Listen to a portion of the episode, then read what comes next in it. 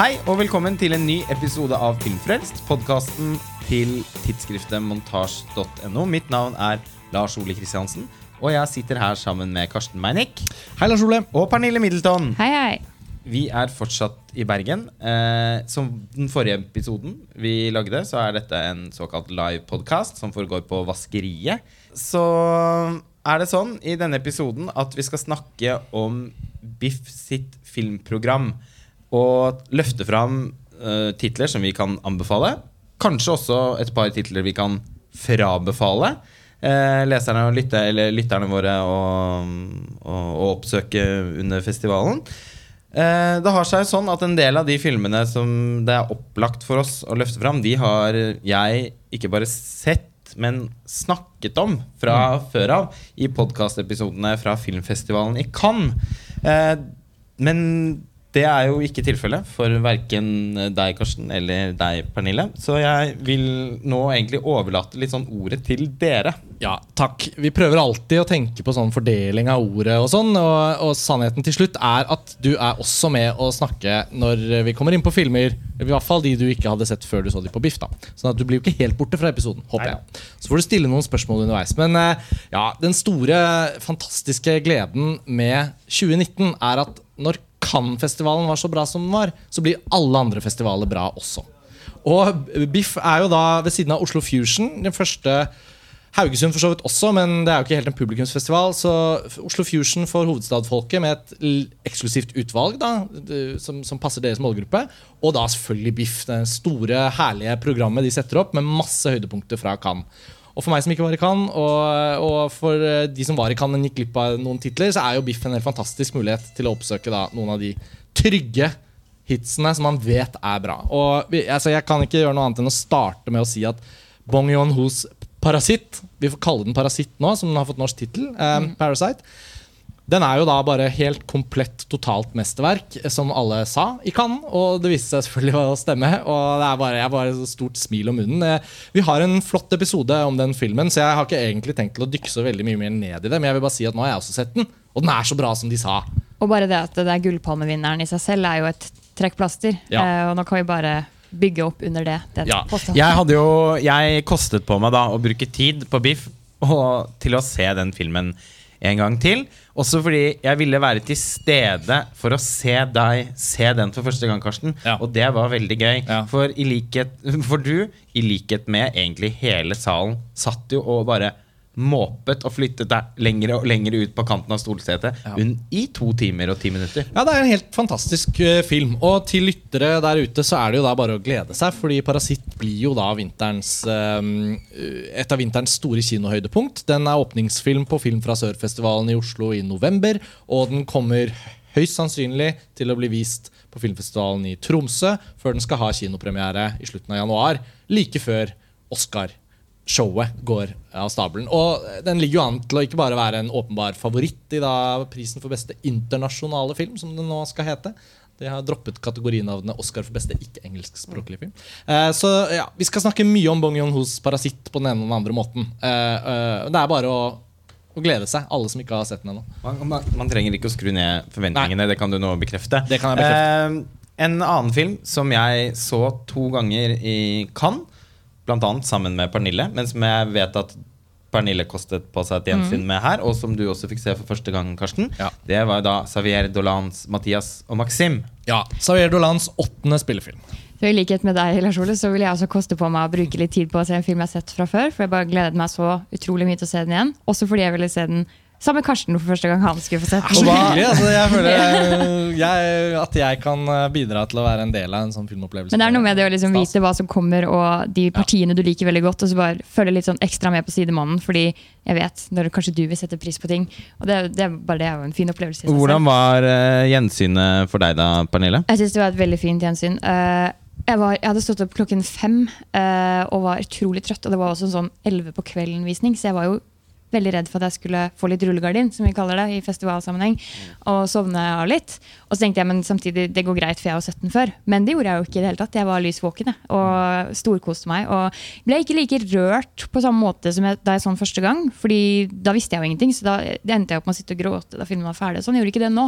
For jeg liksom forsona meg med alt det som skjer i filmen. Og liksom, nå bare satt jeg og koste meg egentlig med å se det på nytt. For den er jo helt usedvanlig vakker. Er Eh, nok en da gnistrende Xavier Dolan-film. Og eh, jeg kommer til å fremme at vi lager en egen episode om Mathias og Maxim eh, litt senere i høst. Eh, sånn at vi kan få snakket om mange filmer i løpet av denne lille episoden. Så vi kan ikke bruke altfor mye tid på den, men, men det skal vi komme tilbake til. Og det er bare så utrolig fint å se at noe du skrev om i din omtale fra Cannes, Ole, for du gjorde jo ikke en podkast om denne.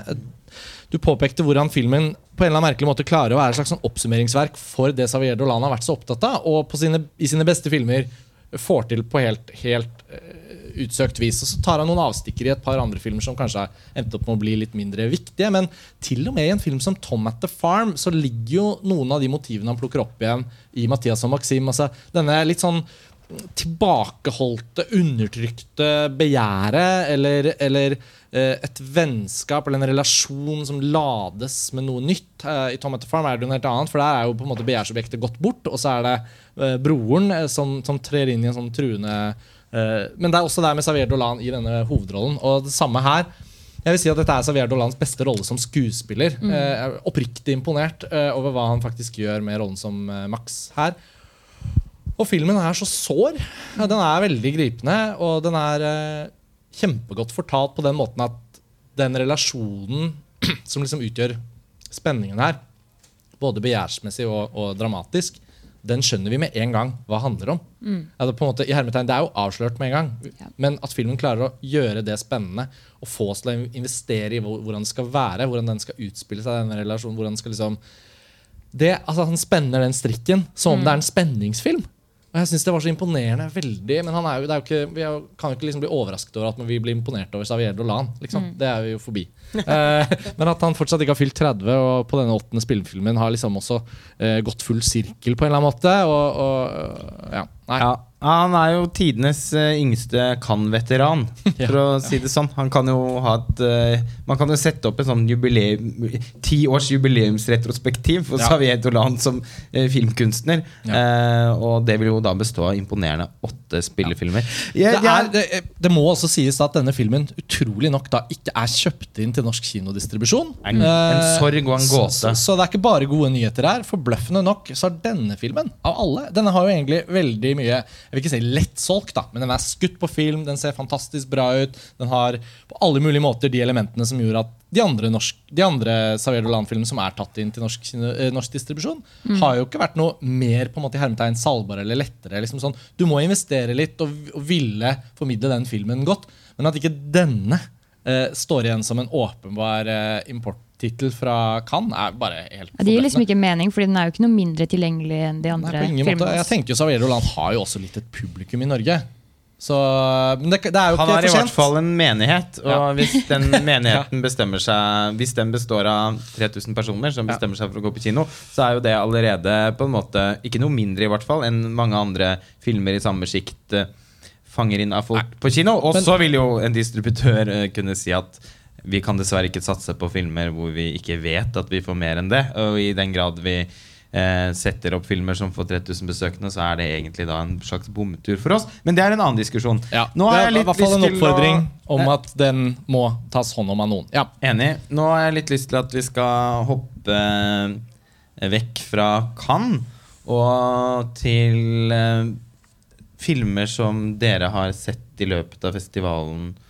Eh, som Du sitter jo i en jury, blant annet, uh, Ja. Karsten. Ja, jeg gjør det. Jeg, det er veldig hyggelig å bli invitert av festivalen til å sitte i jury sammen med Dagbladets kritiker Inger Merete Hobbelstad og merfilmprodusent Elisa Perir i juryen for programmet Cinema Extraordinær. Det er så flott med biff. Det er så mange ting her som er sånn hvor de trår til litt. Det heter ikke Horis... Det kan jo hende et sideprogram heter Horisonter, som jeg ikke har fått med meg. Men de fleste programmene her heter noe litt sånn. Checkpoints, ekstraordinær. De, de klinker litt til her oppe. Det liker jeg. Um, jeg, juryen har jo ikke da fattet sine avgjørelser, så det er hemmelig. Men jeg kan jo snakke om enkeltfilmer. Det er jo ikke ulovlig.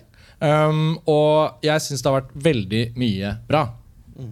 Og det er jo en glede uansett, selv om man kanskje bare sitter igjen med en eh, prisvinner eh, i et sånt juryarbeid, så er det veldig mye bra film også i da dette programmet. Og for å snakke om noe som ikke er så profilert, eh, så kan det jo kanskje være gøyest å nevne noe som for meg var en komplett ukjent film. En overraskelse, eh, en oppdagelse, som kom helt fra venstre. Eh, den sørkoreanske regissøren Bora Kim hun er utdannet på Columbia University i New York. Hun har, har kommet med sin første film, 'House of the Hummingbird'. Eller House of Hummingbird. ehm, som hadde premiere i Generations-programmet i Berlin. Eh, og selv om vi er i Berlin og prøver å se mye der, så er det jo typisk sånn ikke sant? Generations eller Generation 14 pluss, alle disse sideseksjonene med filmer da om eller rettet mot eh, barn og unge så kan det jo veldig lett hende at man glipper noe som er utrolig bra, som av en eller annen grunn da ikke blir sett eller ikke får noe særlig buzz. Og det er jo tilfellet med denne fantastisk fine sørkoreanske filmen. Den er to timer og 20 minutter lang, og det er en oppvekstskildring som lener seg på Og det vil jeg virkelig føle, mener jeg, da, at den lener seg på de best tenkelige referansene da for sånn det jeg oppfatter som sånn uh, asiatisk uh, oppvekstskildring, eller skildring av barn som vokser opp, fra Hirokazu Koreda til Edward Young. Nå tenker jeg særlig på Yi-Yi. Og litt sånn Sofia Coppolas blikk på unge, unge kvinner i en brytningsfase. Altså sånn, filmen hadde en fantastisk kombinasjon av sånn sober realisme og poesi, som disse regissørene jeg nevner nå, føler jeg er sånn gode eksempler på. Og Hun er jo da bare altså, debutant, og den er så trygg og nydelig eh, utporsjonert film som utspiller seg i 1994. Masse selvbiografiske elementer. En åttendeklassing som heter Yun-Hee, som eh, lever i en ganske broket familie, men liksom øvre arbeiderklasse, nedre middelklasse. De har det helt ok. Foreldrene krangler mye. Storebror eh, er eh, hardhendt, får vi si, da, med henne. Og, og hun har det ikke så lett. Og hun finner et vennskap i privatlæreren i kinesisk, som også er sånn der, Jeg føler vi må få sånn kulturelle små smakebiter på hvordan det måtte nødvendigvis være da, i, et Sør-Korea som, som også er i en sånn eh, reetableringsfase ut mot verden på 90-tallet og videre innover eh, på 2000-tallet. Eh, det er mange sånne kulturelle ting i filmen, men den holder hele tiden fokus på denne jenta, som er spilt av da, en ung kvinnelig sørkoreansk. En jente som bare Ja, hun gjør det så bra. Og den kom helt bare brått på meg. Jeg ble kjempegrepet av den. Og den er også etter hvert veldig dramatisk. Det skjer veldig mye i den. Men den er også rolig og veldig sånn stemningsbasert. Så jeg, bare, jeg var ganske slått ut. Så, så, så gøy. Ja, altså det Eh, var, eh, vi, vi følger jo med på mye, så det var deilig at liksom også vi kan få en sånn ja. helt inn fra venstre. Sør-Korea stiller sterkt. eh, Hva var tittelen på den? Ja, House of the Hummingbird. Okay. Nå må jeg dobbeltsjekke kjenner jeg, mens vi snakker for at ikke det blir feil, men jeg tror det var det den heter. Imens du dobbeltsjekker, så, vet, så kan du fortelle litt om filmen 'Making Waves', eh, Pernille. Ja. En etter sigende veldig god og til og med gripende dokumentar Ja. om filmlyd. Jeg hadde tenkt å snakke om det, men jeg ville bare først nevne en annen liten film jeg så først, som jeg har litt kortere ting å si om. Ja. Uh, fordi uh, da jeg kom hit, så hadde jeg jo sett uh, det mest, mesteparten av det som jeg vil tro er det beste på programmet, fordi jeg har vært i, i Berlin og, og i Cannes. Så min oppgave, personlige oppgave ble å prøve å liksom luke ut de her små som, som jeg ikke har hørt om engang. Og litt sånn der, den følelsen av bare å droppe inn på en film og ikke vite noe om det, jeg synes det ofte er noe av det beste ved å gå på filmfestival. Så i går så gikk jeg på en film fra Guatemala som het eh, Tremors, som jeg syns var helt sykt fin, egentlig. Det, jeg er ikke alltid så flink til å, til å se det om det er skutt digitalt eller film, men jeg, jeg vil tro den er skutt på film. Den så helt sykt fin ut, hadde en veldig flott tekstur. Uh, og den var uh, også veldig gripende. Eh, der møter vi eh, familiemannen Pablo, som ser ut som en sånn utrolig kjekk søramerikansk versjon av Mel Gibson. Klarte ikke helt å legge fram den tanken underveis, men det gjorde ikke noe heller. da. Eh, men han er i hvert fall gift. eh, vakker kone, flotte barn, utrolig religiøs familie. Og han, vi merker, uten at det blir sagt, og det er det her som er så fint, i starten så har han kommet fram som homofil. Og han har forelsket seg i en massør som han skal starte et liv med. eh, og det starter rett og slett med at han skal hjem til familien sin, og han fordømmes av de. Og de prøver å overtale han til å gå inn i sånn renselsesterapi og på sånn kristencamp for å rense ut demonene. Og det er altså så grusomt. Og bare tenk dere all den ty verst, verste type motgangen du kan møte da, når du i sånt, eh, lever i en sånn religiøs, eh, religiøse omgivelser. Alt fra eh, altså at du skal være i kirken 24-7 til eh, bokstavelig talt injeksjoner i testiklene for at du ikke skal eh, ja, kjenne lysten mot menn. Så den var helt grusom, men også eh, veldig god, syns jeg. Eh, og så var det den som jeg så eh, tidligere i dag, som vil nå bli min store oppdagelse her. Fordi det var eh, min venn som jeg er her på festivalen med, Mats, han sa vi skal ikke bare gå på den, den handler om filmlyd og filmmusikk. Jeg bare sånn, ja, filmmusikk, det, det liker jeg. Hva er dette for noe? Jeg hadde ikke sett den på programmet engang. Og den heter Making Waves og er regissert av Midge Costin. Uh, aldri hørt om før. Men så ser jeg bare i synopsiset på denne filmen at å ja, ok, vi skal gjennom på en måte typ historien til film, altså filmmusikk og lydmiks og lydredigering. De tingene man kanskje ikke tenker så mye om når man ser film. altså Det er også de kategoriene man blander i, under Oscar-utdelingen. Lydredigering, lydmiks. altså ok, Litt sånn hipp som happ. ikke sant? I hvert fall hvis ikke man kan faget så godt, og det kan jo ikke jeg. det skal jeg bare stå frem og si med en gang. Men det var bare noe med måten det var presentert på som var så sinnssykt bra. Bare fortalt ned på et sånn dummy-nivå omtrent. Bare sånn, ok, så Det er sånn det foregår, en forskjell mellom ok, Jeg vet forskjell på mono og stereo, men da de presenterte det, så var også lydmiksen inn i dokumentaren selvfølgelig også sånn. Så det ble jo sånn Ja, det ble litt sånn liksom, Ja, det var helt fantastisk opplevelse. Og samtidig så er det jo ekstremt mange store navn som er med i denne dokumentaren. David Lynch er der med sin faste lydmann, og eh, du har Coppola og eh, både Sofia og Francis Ford. Um, og Spielberg og Nolan og alle de store da, som prater om sine opplevelser med hvor viktig det er med lydmiks og lydredigering. Kan jeg spørre om en ting da? Jeg blir veldig nysgjerrig på filmen. Jeg Ja. håper og tror at den må man jo da få sett. Den må man Eh, få sett. Men har den også et historisk perspektiv? Er det, liksom, er det en parallell tilbake til da lyd, Ja. lydfilmens oppfinnelse på slutten av 20-tallet og sånt? Ja, Vi er helt tilbake på slutten av 1800-tallet. Og, Ja, okay. ja, og så ser vi litt klipp fra stumfilm, og så ser vi også hvordan eh, filmklipp fungerer hvis vi tar vekk alle eh, lydeffektene. Og de går gjennom det lag for lag. Da. Alt fra dialogredigering til Foley. Utrolig morsomme Foley-sekvenser hvor du ser hvordan de jobber i studio. Og også sånne herlige og dypt rørende anekdoter fra lydpersonene om hvordan de løste ting. I Spartacus så hørtes det litt sånn tynt ut med rustingene. Han lydmannen gikk ut og hentet et sett med nøkler og ristet de, så ble det sånn Å ja, ok, nå funker det! Det var helt sånn, det er veldig kule anekdoter. Og både jeg og Mats begynte å gråte på et tidspunkt. For han så var det eh, Ja, det var vel jeg husker ikke når han gråt, men i hvert fall det var veldig det var rørende hele veien gjennom. Men mot slutten, når de begynner å legge på det siste sånn finishen, som da er filmmusikken, og Inception bare braker løs, og vi hører Time bare runger i, i eh, salen, da begynte jeg å gråte. Hans Zimmer. Wow, det hørtes eh, bra ut. Altså, og, og veldig helt- bra innsaga den filmen, kjente jeg. Den hadde dessverre siste visning i dag på festivalen. Ja. Jeg vil se for meg at dette er en sånn liten film som plutselig dukker opp på Blockbuster eller et eller annet sånt. Mm. Synd, fordi se den med god lyd, hvis man kan, for all del. Noter dere navnet Mm. Det Making no- Waves. Det er notert. Um, jeg føler det er eh, en liten anledning nå Fordi jeg også så en film i dag rett før vi lagde podkast, som, um, som for så vidt også er dette Cinema Extraordinær-programmet. Men Gullbjørnvinneren, den så du. Eh, Synonyms Synonyms, ja. av Nadav Lapid. Israelsk regissør, israelsk produksjon, men den utspiller seg i Paris. Uh, og jeg bare føler at Dette var en anledning til å kanskje bare snakke litt grann om den. For den gikk eh, Vi måtte jo knappe inn antall dager på Berlinalen i år, og det gjør man ofte lurt i fordi det er mye svak film der nede. Men det er også notorisk umulig å spå Gullbjørnvinneren, så man kan likevel gi opp med en gang. da Det blir en eller annen film man Det blir enten det åpenbare, eller så blir det et eller annet veldig rart. Og eh, Veldig overraskende vinner. men egentlig. Synonyms fikk ganske god buzz, husker jeg, Ja. uh, i Berlin. Så det var litt sånn, å, kanskje det kan, ikke sant? Og så ble det den, da. Mm. Og det er jo en utrolig merkelig og spesiell film. Ja. Så jeg, bare, Jeg kan ikke bare fortelle deg hva den handler om. Nei, ja, Vi må bare snakke litt om den til lytterne, så bare sånn at folk noterer seg at den, den er der ute. Ja. Den vises da på Biff. Um, og det Ja, hvor skal vi starte? Det, handler vel om en mann som skal lære seg fransk. ja, Apropos frontal mannlig nakenhet, så starter filmen med en mann som ankommer Paris med ryggsekk, eh, låser seg inn i en leilighet som er helt tømt for interiør og møbler, og er veldig kald.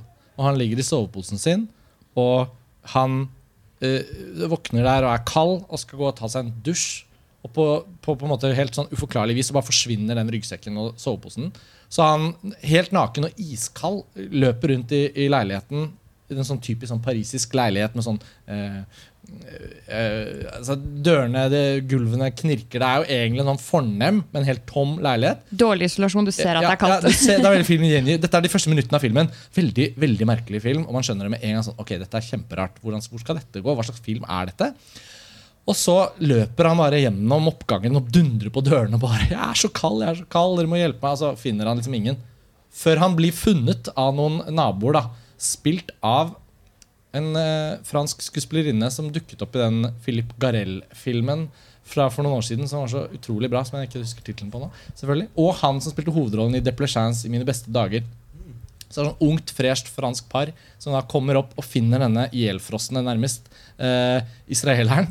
Som da har ikke hatt på seg klær da, i løpet av de første 15 minuttene av filmen. Bare løpt rundt. Eh, og, og så blir han liksom tatt inn i varmen, og så snakker de som om de er fra en sånn 1800-tallsroman. Og så bare tar de hånd om han og gir han klær og penger og alt han trenger. Og så skal han bare liksom være i Paris. Og så blir han en slags sånn eh, løsgjenger som bare går rundt og filosoferer over språk og kultur. Og har identitetskrise. Og har at han, identitetskrise. han vil jo kvitte seg med nasjonaliteten sin. Og den er en slags politisk kritikk av Israel, Ja. men også ikke. Han ser tilbake på livet sitt og familien sitt liv og sine roller i forskjellige kriger. Veldig veldig merkelig film. Jeg er litt usikker på om jeg likte den Ja, eh, egentlig. Men det var ikke det at den var noe dårlig. Den var bare sånn ordentlig merkelig, for den var ikke abstrakt eller absurd nok til å være sånn ko-ko-film. Det er jo en egen sånn gåtefulle puslespill av en film. Det var ikke det heller. Det Nei, jeg også veldig, tenkte det. veldig weird. Ja, jeg var også usikker på om jeg egentlig likte det jeg så. Og nå, Jeg så den i februar, det var siste filmen jeg så, for jeg bare rusha ut til flyplassen i Berlin. Og ja, jeg, den sitter ikke akkurat igjen hos meg i dag, da. Men jeg tror ikke jeg kommer til å glemme den. Og den har, eh, det er veldig mye kul eh, De går med veldig kule klær i denne filmen. I Ja. den grad han har på seg klær, så er de veldig kule klær. Årets frakk, den gule der. Altså, Det er så gøy hvor han da tar hun lille Altså den forferdelige, grusomme, skumle lille figuren i Don't Look Now, som har den røde jakken eller sånn. Man kan komme på mange eksempler fra filmhistorien hvor bare det ekstremt gode valget av ett spesifikt plagg nesten blir hele filmen. Jeg følte at det beste med Synonyms var den eh, sennepsfargede frakken. Ja, Og det var faktisk så bra, og det var så flott frakk, at jeg tenkte det var verdt det. Ja, Så det er min uh, lille runde. Se for meg det er, det, det er det spørsmålet folk flest sitter igjen med etter den. Det er hvor er den frakken kjøpt, og Ja, hva jeg kan vi sitter- gjøre med jeg det? har, jeg har ikke rukket å google det, men uh, det skal Vi skal finne ut av Ja. Um, så da fikk vi tatt en liten eh, runde med den. Ja, uh, vi er jo faktisk snart nødt til å avslutte, men vi Jeg er jo da også veldig nysgjerrig, Karsten, Ja. på hvordan ditt møte med Hafsia Hersis debutfilm 'You Deserve a Lover' Ja. ble Vi har jo eh, egentlig ikke rukket å snakke om den, Nei. så jeg er like spent som, som forhåpentligvis eh, lytterne også er. Jeg tenker Vi kan gjøre det til den siste filmen i, i episoden. Vi skal jo videre i festivalløypa, og det er et nytt arrangement her på Vaskeriet i Bergen. Men det er jo da en verdig, veldig verdig film å avslutte med. Jeg vil starte med å si at dette er nok en glimrende film fra Cannes, fra Biff, fra, som burde være på alles lepper, som av en eller annen obskur, merkelig, eh, ignorant grunn ikke har blitt plukket opp av noen norske distributører. Det utrolige med Hafsi Hersis You Deserve Lover er jo hvor utrolig bred og tilgjengelig den er som en, en, tematisk og karakterskildring. Altså det, det er en film om kjærlighet og kjærlighetssorg, om, den, om, om liksom hvem vi blir i, i, i liksom en form for sånn identitetsprosess knyttet til tapet av på en måte en kjæreste, jakten på en ny. Må man ha kjæreste? Kan man stå på egne ben? Altså det er, den tar opp ting som som jeg tenker liksom Hvis det er en strømmetjenesteserie, så er det hundretusenvis som ser det. Fordi det er så bra tematikk. Og hvis det er en kinofilm fra Frankrike av en debutregissør som kanskje ikke alle, så kanskje ser den liten ut, men den er egentlig veldig bred. Jeg likte den da, Lars Ole. Hvis det skulle være noen tvil, så likte jeg den da veldig, veldig godt. Jeg synes den var På sitt beste så var den eh, eh, jeg, jeg, jeg fikk veldig klump i halsen. Sånn ekte med, medfølelse for rollefiguren på et visst tidspunkt der. Så er det en kjempesterk scene, og det er det man ønsker seg fra sånne filmer. Det er en liten film, men på en bra måte. Ja, og jeg tenker at Selv om den på en måte er en liten film, så er den ikke enkel å lage. Altså, Hafiz Herzi gjør Nei. veldig mange ting i den filmen som andre bruker en hel filmografi på å forsøke å få til Ja. å ikke lykkes med. Ja, det må sies at den, Jeg har hørt den episoden dere lagde i Cannes om denne filmen. og Det er faktisk en utrolig fin diskusjon. Um, og Jeg husker du varslet at det ikke var noen spoilers, så det er bare å høre. og sånn Så jeg hørte jo den i mai. Og jeg hadde med meg det, og jeg følte det også var veldig berikende. da, Å liksom være litt sånn altså, tematisk trukket inn i filmen fra før av. For å kunne gå rett inn i den. Eh, den, har, den har noen små skjønnhetsfeil som ikke er feil, men som bare er sånn Etter min smak så kunne et par elementer, for den har en litt sånn episodisk struktur. da uh, Hafsi Hersi spiller hovedrolleinnehaveren. Hun er, eller hun er hovedpersonen. Hun, hun, hun beveger seg gjennom venner, eh, nye og gamle bekjentskaper, og er tidvis oppmuntret av hyggelige folk som hjelper henne, og tidvis trukket ned av kjærlighetssorg. Og i den litt episodiske strukturen så er det et par av de møtene som jeg tror filmen hadde klart seg helt fint uten. Når det er sagt, så har det jo selvfølgelig ikke noe å si for helhetsopplevelsen. Fordi hun er så uh, Det er så lett å bli empatisk og engasjert i hennes liksom, Hun er jo som et ekte menneske, helt rett tett på oss. Mange filmer kan vi si det om, men det er jo da det blir bra film. Uh, og jeg bare syns den er helt nydelig, egentlig. Uh, det var jo da jeg og Roskva og Benjamin som laget episode, episoden om You Deserve a Lover i Cannes. Pernille, hva, du har vel ikke sett den på nytt her? Jeg har ikke sett den på nytt, nei. Men hvilke Eh, følelser var det du satt igjen med etter å ha sett den i Cannes? Jeg likte den veldig godt, jeg. Og hun var jo også i salen da, eh, da den skulle bli vist, eh, da jeg så den. Og det var også veldig rørende. Hun, er, og hun blir så rørt selv. Altså, du ser at hun virkelig setter pris på responsen, og det, det er ekstra fint. da. Eh, jeg, er, jeg er ikke helt der oppe hvor dere er, men jeg likte den veldig godt. Og jeg synes det også er fint, altså som du snakket om, den er egentlig veldig tilgjengelig, fordi det er så mange situasjoner her eh, som er lette å relatere til. Nettopp fordi hun er så ekte som hun er, og det, det føles veldig menneskelig. da, det, altså, det hun prosesserer og det hun gjør, og, og hele den der ambivalens, ambivalensen rundt hvor, hvor mye skal man finne seg i hos en partner, hvor, hvorvidt skal man gå tilbake, hvor mange ganger skal man tilgi noen og la de komme tilbake. Eh, så føler jeg det er en, en, mer enn en håndfull situasjoner der som veldig mange vil kunne kjenne seg igjen i. Eh, Vi er eh, nødt til å runde av her på Vaskeriet, og jeg og Pernille skal se en visning av Honeyboy. En film eh, du har sett og anbefalt, Karsten. Ja. Eh, vi kan avslutte der. Eh, 'Honeyboy' er eh, en film regissert av Er det Alma Harel hun heter? Ja. Eh, Skrevet av Shia. ja, skrevet av LaBeouf om Shia LaBeoufs eh, barndom og hans forhold til sin far. Jeg syns det var kjempebra. Liksom rar. Litt sånn den, den, hvis, hvis man tenker på Shia LaBeouf i visse filmer, så tenker man på en litt sånn temperamentsfull, energisk type. Og filmen er sånn. Jeg føler filmen er veldig sånn Oi, Jeg føler han er så wildcard, du Ja, aner ikke hva du får. Og Nei, det synes jeg er veldig spennende er sånn med han. Og han Lucas. Hedges, som gjør en sånn utrolig morsom storebror-tolkning i John Hills mid-90s, er i mid-90s-modus. og det er en slags eh, Det er jo et kompliment, eller en anbefaling. Eh, så nei. Den tror jeg dere kommer til å like. Jeg gleder meg til å høre hva dere syns om den. Vi får avslutte episoden. Um, Filmfestivalen i Bergen har da dette omfangsrike programmet. Og for de av lytterne som er i Bergen, så er det jo mange dager igjen av festivalen fortsatt. Så det er bare å oppsøke titler og gå og se masse film. Så får vi returnere Lars Ole og Pernille med nye episoder av Filmfest eh, senere i høst. Takk for nå. Takk for nå. Takk for nå.